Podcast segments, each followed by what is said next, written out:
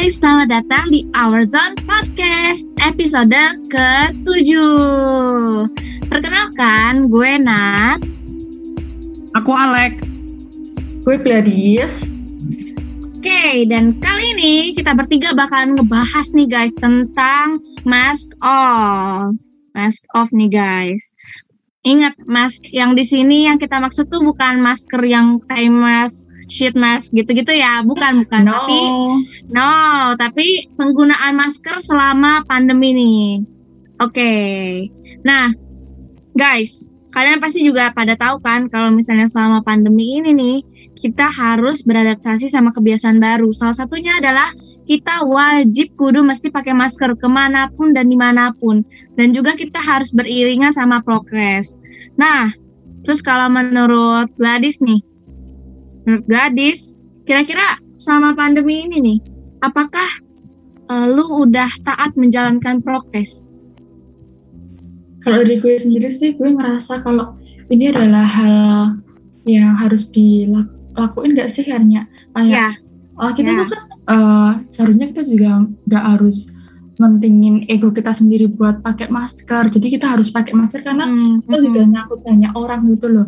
Apalagi ketika kita keluar rumah, nah nanti kita bisa aja bawa virus di ru- ke rumah padahal di orang kita Yes. juga punya punya kepentingan masing-masing yang eh, sebenarnya udah buka sebenarnya juga tanggung jawab kita buat jaga mereka gitu loh. Jadi mm-mm. kalian juga harus pakai masker dong guys. Jangan jangan hanya karena eh, panas atau ampak atau eh, karena ikut-ikutan aja apalagi kalau pakai maskernya cuma sebatas nah sebatas bawah hidung aja itu cuma Nah, gimana Iya, gitu loh betul. Hmm. Apalagi eh, akhir-akhir ini kan ini ya lonjakan covidnya juga tambah naik nah Yes. kita udah nyaranin kita kan ya buat pakai double mask juga gak sih ya kan Iya. Nah, jadi itu emang mungkin eh, sebuah cara preventif buat kita semua buat menjaga diri kita apalagi menjaga orang lain biar eh, kasus ini juga tidak terlalu naik dan cepet cepet turunnya juga anu apa Yes. Mm-mm. yes karena siapa sih yang nggak kangen eh, nggak kangen apa kegiatan selama sebelum pandemi kayak Iya. ya kangen itu ya eh, nggak Betul, pakai betul. masker atau ketemu orang gitu sih kalau gue sih kangen banget ya karena ya karena pakai masker kayak kita juga susah ya mau interaksi sama Iya. orang Yes. kayak pasti ada sih cerita-cerita yang seru yang pasti kalian alamin selama pakai masker boleh dia ceritain apa aja Iya. Oke, nah kalau menurut Alek nih, gimana? Kira-kira selama pandemi ini, selain kita jalanin prokes, kira-kira lu punya pengalaman atau cerita unik gak sih selama pandemi nih? Apalagi eh, di sekitar lingkungan tempat tinggal lo, ataupun eh, di sekitar tempat di mana lo bekerja atau berkuliah gitu. Mungkin bisa di-share nih ke teman-teman. Oke, thank you Gla. Thank you Nat. Dari Hmm. aku sendiri sih selama yang aku perhatiin pertama itu adalah ada beda gitu loh. Da- Hmm. Dari Hmm. orang-orang yang karena aku tinggal di rumah ini kan bareng ya berlima gitu kan. Da- tapi Iya, iya. ada pastilah ada orang yang datang ke rumah gitu. Yang paling sering itu kan ya asisten rumah tangga aku. Aku manggilnya Bude. Itu Oh, iya. Mm-mm. Bude ini kalau selama pandemi ini sudah selama pandemi ini beliau itu mesti pakai masker selama datang Mm-mm. terus kerja di rumah itu mesti pakai masker. Mm-mm. Nah ada juga Oke. beberapa waktu yang lalu itu kan kulkas kulkas aku di rumah ini ada yang rusak. Terus kita panggilin orang-orang yang buat nge-service kulkas ini kan. Terus Iya. ya karena aku ngerti juga untuk menjaga prokes itu juga penting juga di rumah dan jadi aku minta sebelum masuk bapak-bapak ini yang mau nge-servicing kulkas itu kita pak tolong wash your hands first gitu cuci tangan dulu langsung bapaknya Iya. bilang oh iya mas kita cuci tangan kayak gitu bilangnya itu kayak kita cuci tangan ini memang karena kita ya khawatir juga kalau semisalnya kena gitu kita nggak mau ada Iya. apa-apa gitu lah Iya, ngerti-ngerti. tapi aku gimana ya di awal-awal pandemi ini ketika aku pakai masker itu aku ngerasa Hmm. aman gitu lah apalagi sekarang sudah pakai double mask itu Iya. wah aku merasa aman banget terlindungi gitu loh, sudah pakai masker Ya. dan sampai sekarang aku tuh masih ngerasa kayak gitu cuman baru-baru ini tuh aku Mm-mm. perih gitu loh mata rasanya ya. Soalnya Oh, karena kalau nafas itu kan mantul gitu. Nafas itu kayak mantul ke arah mata dan akhirnya mata kita Iya. jadi ah perih. Oke. Apalagi- Dan aku kadang-kadang mikir juga gimana ya, mikir, mikir juga perjuangan teman-teman. Aku juga ada kayak singgungan-singgungan gitu loh kayak meme di Instagram gitu kan Iya. yang anak-anak pakai kacamata kalau pakai masker udah nafasnya mantul ke atas itu kacamatanya jadi ngembun Iya, Itu jadi burem kacamatanya, bener banget. Bener-bener. Nat ngerasain ya Iya, karena gue juga sebagai pengguna kacamata nih kadang jangankan double mask nih, jangankan nilek, jangankan double mask. Gue aja pakai satu masker. Kadang kayak aduh, udah kayak serasa mata gue diuapin gitu. Karena kenapa ya nafasnya tuh mungkin bikin kacamata jadi berembun gitu ya. Jadinya kadang aduh kok kayak semriwing gitu. Mata jadi gampang kering juga karena mungkin kena uap dari nafas sendiri.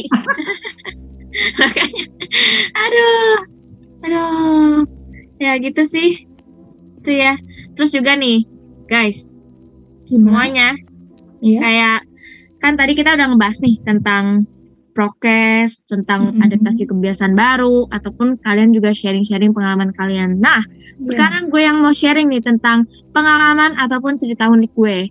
Mungkin beberapa kalian, beberapa di antara kalian tuh sering banget ngelihat di mana orang-orang, misalnya kita udah pakai masker nih, tapi kita ngeliat orang lain tuh kayak yang naik motor ataupun yang lagi duduk di mana gitu, ataupun yang lagi jalan, mereka tuh nggak pakai masker. Bahkan sumpah Bahkan, ya. Iya, makanya bahkan kayak yang tadi Bang Alex sempat singgung ya di mana kayak mereka pakai maskernya cuman cuman apa? Nutupin mulut gitu kayak di bawah hidung kayak sama aja dong. Kenapa mulut yang ditutup? Kayak Karena itu kan kayaknya gratisan oh, iya. Iya, iya, iya. Pokoknya kayak apa ya? Harusnya kan pakai masker itu kan udah ada himbauannya nih. Logikanya lah udah ada himbauannya. Pakai masker yang bener gimana? Udah sering diiklanin, udah sering disosialisasiin, bahkan ke medsos juga apa iya mereka masih nggak ngerti bagaimana cara pakai masker yang baik itu sih gue kadang kayak eh kenapa sih kalian pakai masker tuh di bawah dagu gitu biar apa sih gitu ini lagi pandemi guys bukan lagi kayak sekedar ada proyek di sana terus berdebu dan lu harus pakai masker. No ini lebih ke virus guys yang nggak bisa kita lihat gitu loh. Terus juga apa ya hmm, kadang tuh kadang nih mungkin kalian juga ngalamin ya di mana ketika kita ketemu orang nih misalnya eh Alek eh Gladys gimana kabarnya? Gitu oh iya baik baik baik gitu. Baik, terus baik, misalnya ya. diajak foto. Nah misalnya diajak foto nih terus kayak kita senyum tapi kan nggak namanya pakai masker nggak kelihatan ya. Terus akhirnya gue sempet dikira jutek. Gue sempet dikira Nat lu kenapa? Kok lu nggak senyum? Dalam hati lah gue senyum cuman pakai masker bro. Sis sorry. Jadi kan nggak kelihatan gitu mukanya. Padahal itu sih yang jadi problema di kehidupan gue dan sekitar gue. Gitu. Ya kalau Terus juga- juga, pengalaman kayak gitu sih kan sebenarnya kalau gimana tuh? pernah dengar gitu. Orang-orang itu kayak first impression gue tuh orangnya jutek gara-gara gue punya mata mata gue tuh kayak eh, sipit gitu loh. Jadi kayak orang-orang tuh eh, ngiranya gue orangnya jutek judes karena tatapan gue yang nggak enak. Nah apalagi di masa kayak gini padahal setiap hari ketemu sama orang dan ketemunya itu pakai masker gue Mm-mm. takutnya tatapan gue itu kayak ngejudge orang gitu maksudnya. Ngejudge tampilan mereka Iya. padahal gue sebenarnya itu ya melihat mereka baik-baik aja gitu. Jadi mungkin itu sih problematika gue yang selama ini takutin kalau uh, ketemu temen atau ketemu orang gitu kalau kalau di luar. Selain itu baru-baru ini gue, gue juga kayak ngerasa uh, kan kita sering keluar pakai masker ya panas-panas pakai masker pastinya pengap nah gue ngerasa uh, gue agak break out gitu. Muka gue tiba-tiba panas uh, apa muncul-muncul kayak uh, Hmm. gitu kayak iya iya juga iya. banyak ngerti ngerti banyak ngerti. juga ya kan yang ngerasain kayak gini. Iya. Pastinya seperti itu tapi ya ya kita mesti lebih mentingin kesehatan kita daripada harus penampilan kita. Atau juga Mm-mm. kita belum ketemu banyak orang juga kan secara langsung. Jadi eh, sebaiknya teman-teman juga yang ngerasain kayak aku yang breakout sampai Mm-mm. eh, kayak udah bener-bener parah lah karena karena, karena masker juga. Ditahan Yap. dulu lah kalian eh, ngeluhnya tentang masker masker kayak gini karena kesehatan kalian lebih penting daripada eh, ini apa penampilan kalian yang ketutupan Oh, masker juga gitu iya. loh ya kan Yoi, benar-benar setuju setuju sih. ya kan Tapi sebenarnya kalian tahu nggak kalau pandemi yang kita rasakan Mhm. sekarang ini, yang pandemi kita rasakan sekarang ini tuh sebenarnya bukan yang pertama. Dulu Hmm. Ada Mhm. kan yang namanya flu Spanyol sekitar tahun berapa? Mhm. oh iya ya benar-benar 19 Mm-mm. 1917 sampai kalau nggak salah itu 1920 baru selesai. Itu Hmm. aku aku nggak ini sih kalau aku tangkapnya itu kayaknya emang influenza, Mhm. influenza virus ya. Kalau sekarang kan COVID Oh, itu kan katanya kan Iya, produk dari sebuah lab di Wuhan atau betul betul betul. sama sama kayak Wuhan virus ini Wuhan virus Hmm, susah banget Wuhan sebetulnya virus. Oke. Oke. sama kayak COVID ini yang kadang-kadang dipolitisasi kalau dalam tanda kutip ya ada ya beberapa yang bilang Iya. dipolitisasi iya kalau ini itu produk dari Wuhan lah kalau dari flu Spanyol dulu itu aku dengarnya itu sebenarnya flu Spanyol itu bukan Mm-mm. dari Spanyol itu sebenarnya dari AS yang dari salah Mm-mm. satu barak tentara gitu kan habis itu Mm, mm, mm. nyebar ke mana-mana tapi entah Oh. kenapa kalau nggak salah itu kayaknya gara-gara propaganda gitu ya Amerika kan Mm-mm. pada saat itu kan berperang di perang dunia satu dan mereka itu ada di sisi yang harus memper, ya karena mereka ikut bertempur juga sebagai sekutu waktu itu ya mereka Mm-mm, harus mm-mm, mempertahankan mm-mm. bagaimana caranya agar citra Amerika yang berperang ini nggak hancur gara-gara pandemi ini. Nah kebetulan Spanyol Ya, itu juga kena hmm. kasus itu kan dan akhirnya karena orang-orang mulai tahunya itu merebak dari Spanyol akhirnya disebutlah flu Spanyol. Ah, gitu ternyata. Cuma ini edukasi banget loh ya selain kita bahas tentang ah, apa? Bahas pengalaman, kita juga di sini bahas tentang ah, pengalaman juga tahun dulu yang pernah ngerasain Iya. pandemi seperti ini gitu kan. Iya. Iya, iya, aja. iya. Tentang Kayak sejarah. pre pre pandemi ya. Iya. Pre pandemi. Ini kayaknya bisa Oke. jadi konten Hansion buat podcast ke depannya sih kalau mau bahas-bahas yang edukasi gitu Iya nih. atau info. Betul. boleh, boleh, boleh. Ini kita bakalan kita bakal bahas lebih lanjut di next episode ya. Gengs, tungguin Wow. aja. Tungguin Oke. aja ya. Tungguin aja. Tapi sekarang kita ngebahas tentang ini nih, Hmm. yang mask off. Nah, Oh. tadi kan eh, Bang Alek juga sempat jelasin sedikit nih, jelasin singkat tentang flu Spanyol yang pernah terjadi beberapa tahun yang lalu gitu loh. Sebelum kita lahir bahkan ya udah terjadi flu Spanyol. Nah, terus juga Indonesia um, bahkan. Iya. Mm-mm. Iya, terus juga apa tuh namanya? Selain flu Spanyol, kita juga itu kayak tadi ya sempat kita bercandain itu kayak pre pandemi gitu. Tapi cuman bedanya adalah kalau mungkin dulu nggak se ini ya nggak separah yang sekarang. Kalau sekarang kan udah benar-benar seluruh dunia ngerasain gitu loh. Kalau mungkin beberapa tahun yang lalu yang flu Spanyol ini mungkin hanya dirasakan beberapa daerah saja atau beberapa wilayah saja. Tapi kalau sekarang seluruh dunia merasakan pandemi virus COVID-19. Wow, benar-benar mengejutkan sekali, surprise di tahun 2020 nih. Oke, nah ngomong-ngomong soal pandemi nih, tadi kan udah dibahas banyak banget ya sama Gladys Banyak sama Alex banget ya. banyak banget sampai kayak bercabang juga nih. Cuman ngomong-ngomong pandemi, pasti banyak hal dong yang terjadi, ya nggak guys? Ya pastilah udah berapa tahun juga kita ngalamin ah ini Iya. PKKM mikro makro aduh ngapain nggak tahu nih paling Mm-mm. sampai kehidupan gue kayak langsung loncat itu loh langsung gue kayak ngerasa baru kemarin udah tiba-tiba di masa depan gitu kayak gue kayak ngalamin Iya, iya. peran sebagai pemeran film yang distopia gitu yang udah semuanya dunia hancur gitu kayak ngerasa Wih. gitu loh. jadi kayak gue pastinya juga rindu-rindu masa di mana gue bisa keluar bebas tanpa masker tanpa takut covid gak sih tanpa takut harus Yes. jaga jarak gitu jadinya kak gue Hmm. pengen pengen kayak aduh keluar gitu hidup hidup udara segar gitu. Mm-mm. itu Mm-mm. gue pengen banget kalau kalian hmm, harapan atau satu keinginan yang pengen kalian lakuin gitu sih sebelum pandemi ini ada itu seperti apa aja sih Kak, contohnya Aku sih sebenarnya bukan sebelum pandemi, tapi selama pandemi ini aku itu kayak bayang-bayangin gitu. Mm-mm. Kayak iya, pengen Iya, pengen iya, iya. liburan gitu lah. pengen naik kereta gitu. Need Aku sebenarnya target itu beberapa Mm-mm. beberapa waktu yang lalu itu pengen ke Mm. Bandung gitu ya, sekedar rencana-rencana aja. Mm-mm, mm-mm. Boleh, Belum boleh. ada. Tapi ya gitu, selain gak ada duit juga, kalau mau ke mana-mana kan sekarang harus pakai Iya. surat rapid, terus ada Iya. lagi juga syarat itu Mm-mm. yang kalau masuk DKI itu kan harus pakai surat apa itu surat keterangan itulah Iya, semacam Ya, itu. surat keterangan gitu sih. Heeh. Hmm. terus juga kalau mau ke mana sekarang pakai surat keterangan kerja dari kantor atau Iya. ada kalau misalnya ada anggota keluarga yang meninggal juga ya mungkin ada pengumumannya juga aku Iya. yang agak aku ada yang sayang juga nenek aku di Jogja itu kemarin ya meninggal juga karena covid kan. Oh, Juli. Kalau nggak salah Juli kemarin. Cuman ya aku dikabarinnya juga dari sepupu aku.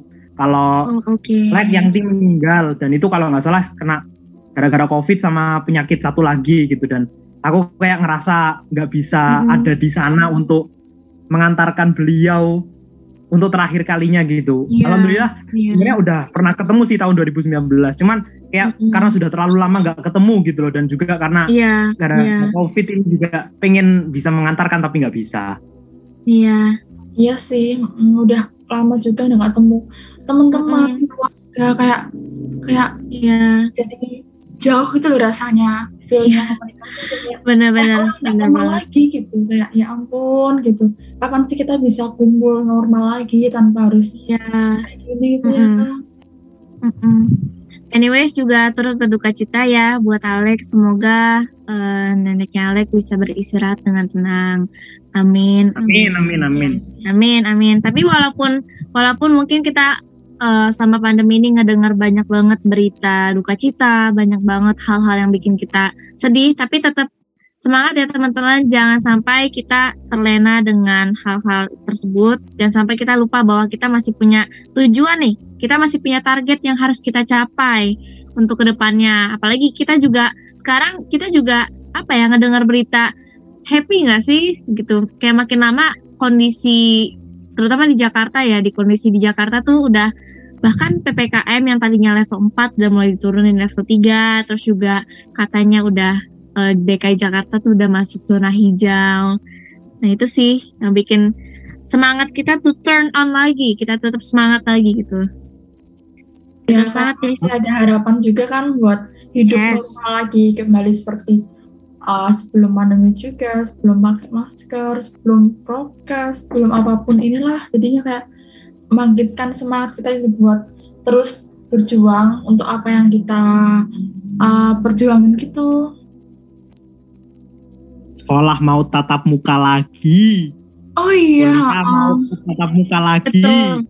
Betul betul. Betul banget. Beberapa sekolah udah udah mulai berjalan tau pembelajaran tatap muka walaupun eh, bisa dibilang pembelajaran tatap muka terbatas. Gitu sih ya karena yang gue denger itu cuman 50% dari biasanya kan kalau kelas tuh 100% ya tapi kalau misalnya untuk yang pembelajaran tatap muka di pandemi ini baru dibuka untuk kuotanya 50% gitu. Jadi 50% dari offline, 50%-nya online via Zoom gitu.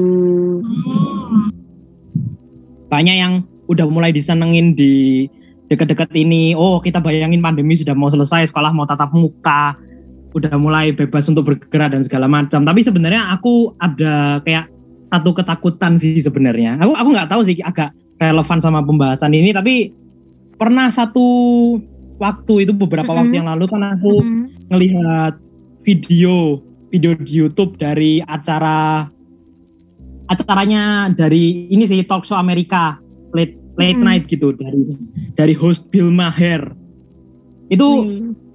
Mm-mm. ya kebetulan aja ngelihat soalnya kan algoritma YouTube tiba-tiba nyaranin ini gitu Iya, Ya, tapi iya betul kayaknya betul betul. benar-benar Betul, benar. betul. pembahasannya kayaknya seru gitu soalnya judulnya itu New Rule Beware the Roaring Twenties aku aku cek gitu terus Wih. Mm-mm.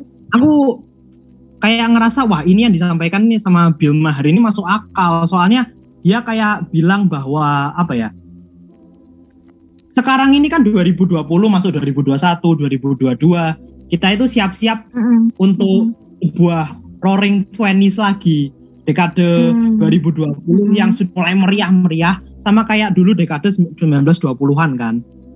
Eh tapi sayangnya aku juga mikir-mikir ini di ujungnya 1920-an kan tahun 1929 itu sekitar Oktober itu ada Black Tuesday. Black. Tuesday itu adalah pas di New York itu stok saham perusahaan-perusahaan di seluruh dunia itu setelah banyak dibeli orang-orang akhirnya kan harganya naik tapi pas hari itu akhirnya jatuh saham-saham jatuh ekonomi akhirnya melemah orang-orang jadi nggak dapat kerjaan orang-orang jadi pada miskin semua nah aku itu takutnya kalau kita ngelihat sekarang kan ya teman-teman kita mungkin teman-teman teman-teman aku ada mungkin teman-teman kalian juga ada yang invest saham gitu kan invest saham atau Iya, invest reksadana Iya, iya. Mm-mm, mm-mm. aku takutnya kayak semakin gencar teman-teman kita itu atau mungkin kalian sendiri juga beli-beli saham ya sebenarnya enggak masalah gitu kan cuman we cannot win all the time Iya, dan akan iya. ada jangan-jangan jatuh lagi akan ada krisis lagi Great Depression lagi dan kita semua nanti nasibnya kayak gimana ya aku aku aduh aku aku bayangin sekarang aku yang belum dapat kerja aja udah kayak gini Mm-mm. kontang panting rasanya apalagi Iya. nanti Betul, betul. Apalagi nanti gitu ya. Kenapa apa ya?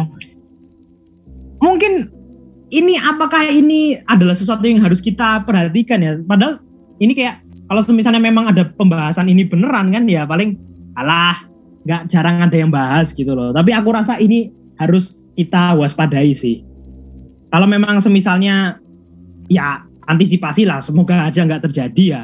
Tapi kita harus siap-siap lah. Andai kata Great Depression itu terjadi, kita nggak dapat Mm-mm. kerjaan atau malah di kick out dari kerja gara-gara depresi itu ya kita harus bagaimana Iya. caranya untuk meningkatkan keuangan sih biar nggak pontang-panting juga Mm-mm. Betul sih, betul. Karena juga apa ya, selain kita ngalamin pandemi, terus juga kita bahkan juga ngalamin resesi ekonomi ya. Bahkan juga nggak cuma di Indonesia aja yang ngalamin resesi ekonomi, mungkin di beberapa negara pun juga ngalamin resesi ekonomi. Oke. Ter- Nah, tadi juga terutama buat orang-orang kecil Mm, Ya, terutama buat ya orang benar-benar yang UMKM gitu ya. Mm-mm, mm-mm. Hmm, Betul betul betul sih betul. Terus juga eh, mungkin selain resesi ekonomi kita juga ini ya mungkin melihat di berita ataupun di Line Today gitu bi- biasanya ataupun kayak beberapa situs-situs yang mengupload tentang berita kayak banyak banget orang-orang yang di PHK sama pandemi. Itu kayak kasihan gak sih guys gitu. Mereka yang tadinya bekerja yang tadinya punya penghasilan tetap tiba-tiba brush gitu. Nggak ada nggak ada angin nggak ada apa mereka dipecat mereka harus ngalamin pengurangan hak kerja dan lain-lain nah menurut kalian gimana aku Ya. sebenarnya oh, gadis gadis Oh boleh banget itu enggak apa-apa sih. aku sebenarnya apa ya Mhm. kayak melihat meskipun orang-orang ini di PHK atau setidaknya kayak gaji mereka dipotong gitu ya mereka nggak nggak patah semangat gitu loh mereka langsung memikirkan bagaimana caranya supaya Iya, keluarga iya, iya. keluarga aku itu katakanlah mereka ya keluarga Iya, aku itu iya. tetap bisa mendapatkan uang yang mereka uang yang kita perlukan gitu untuk bayar listrik gas gas ya sih listrik gas air dan wifi segala macam ya Iya. ada mungkin teman kita yang dari ya kayak tiba-tiba gitu kayak jualan makanan gitu kayak jualan kue jualan cookie gitu aku ya tiba-tiba ya kayak salut aja gitu. Mereka uh semangat mereka untuk tetap kerja keras itu masih ada. Langsung kayak gak mau putus asa gitu. Langsung banting otak. Banting otak. Apa sih sebutannya? Ya lah ya pokoknya langsung Iya, iya. mereka iya ya iya muter otak gitu ya untuk cari Cari cara. Ayo, ya cari cara. bagaimana caranya biar kita ini masih tetap fine fine aja lah. Dan juga da- selain mengembangkan usaha gitu ya itu juga banyak aku nyebutnya sih kayak berderma gitu loh. Kayak banyak sekali Mm-mm, mm-mm. campaign-campaign di kita bisa gitu. Ada oh anak iya iya. iya iya iya. Yang sakit ini ini ini, ini ayo kita bantu nah nah nah, nah. dan Ya aku aku pribadi sih juga selama pandemi ini ya sering-sering bantu juga ada satu panti asuhan di dekat rumah aku bukan bukan untuk riak ya ini sih bukan untuk Iya, pamer iya, sih iya. ini memang sejak pandemi ini aku lebih kayak dekat ke mereka karena memang bantu gitu minimal dengan memberikan uang ke mereka atau sabun juga aku punya ya kadang-kadang kita juga sering ngasih Mm-mm. sabun ke mereka lah Ya, Hmm, benar. Oke.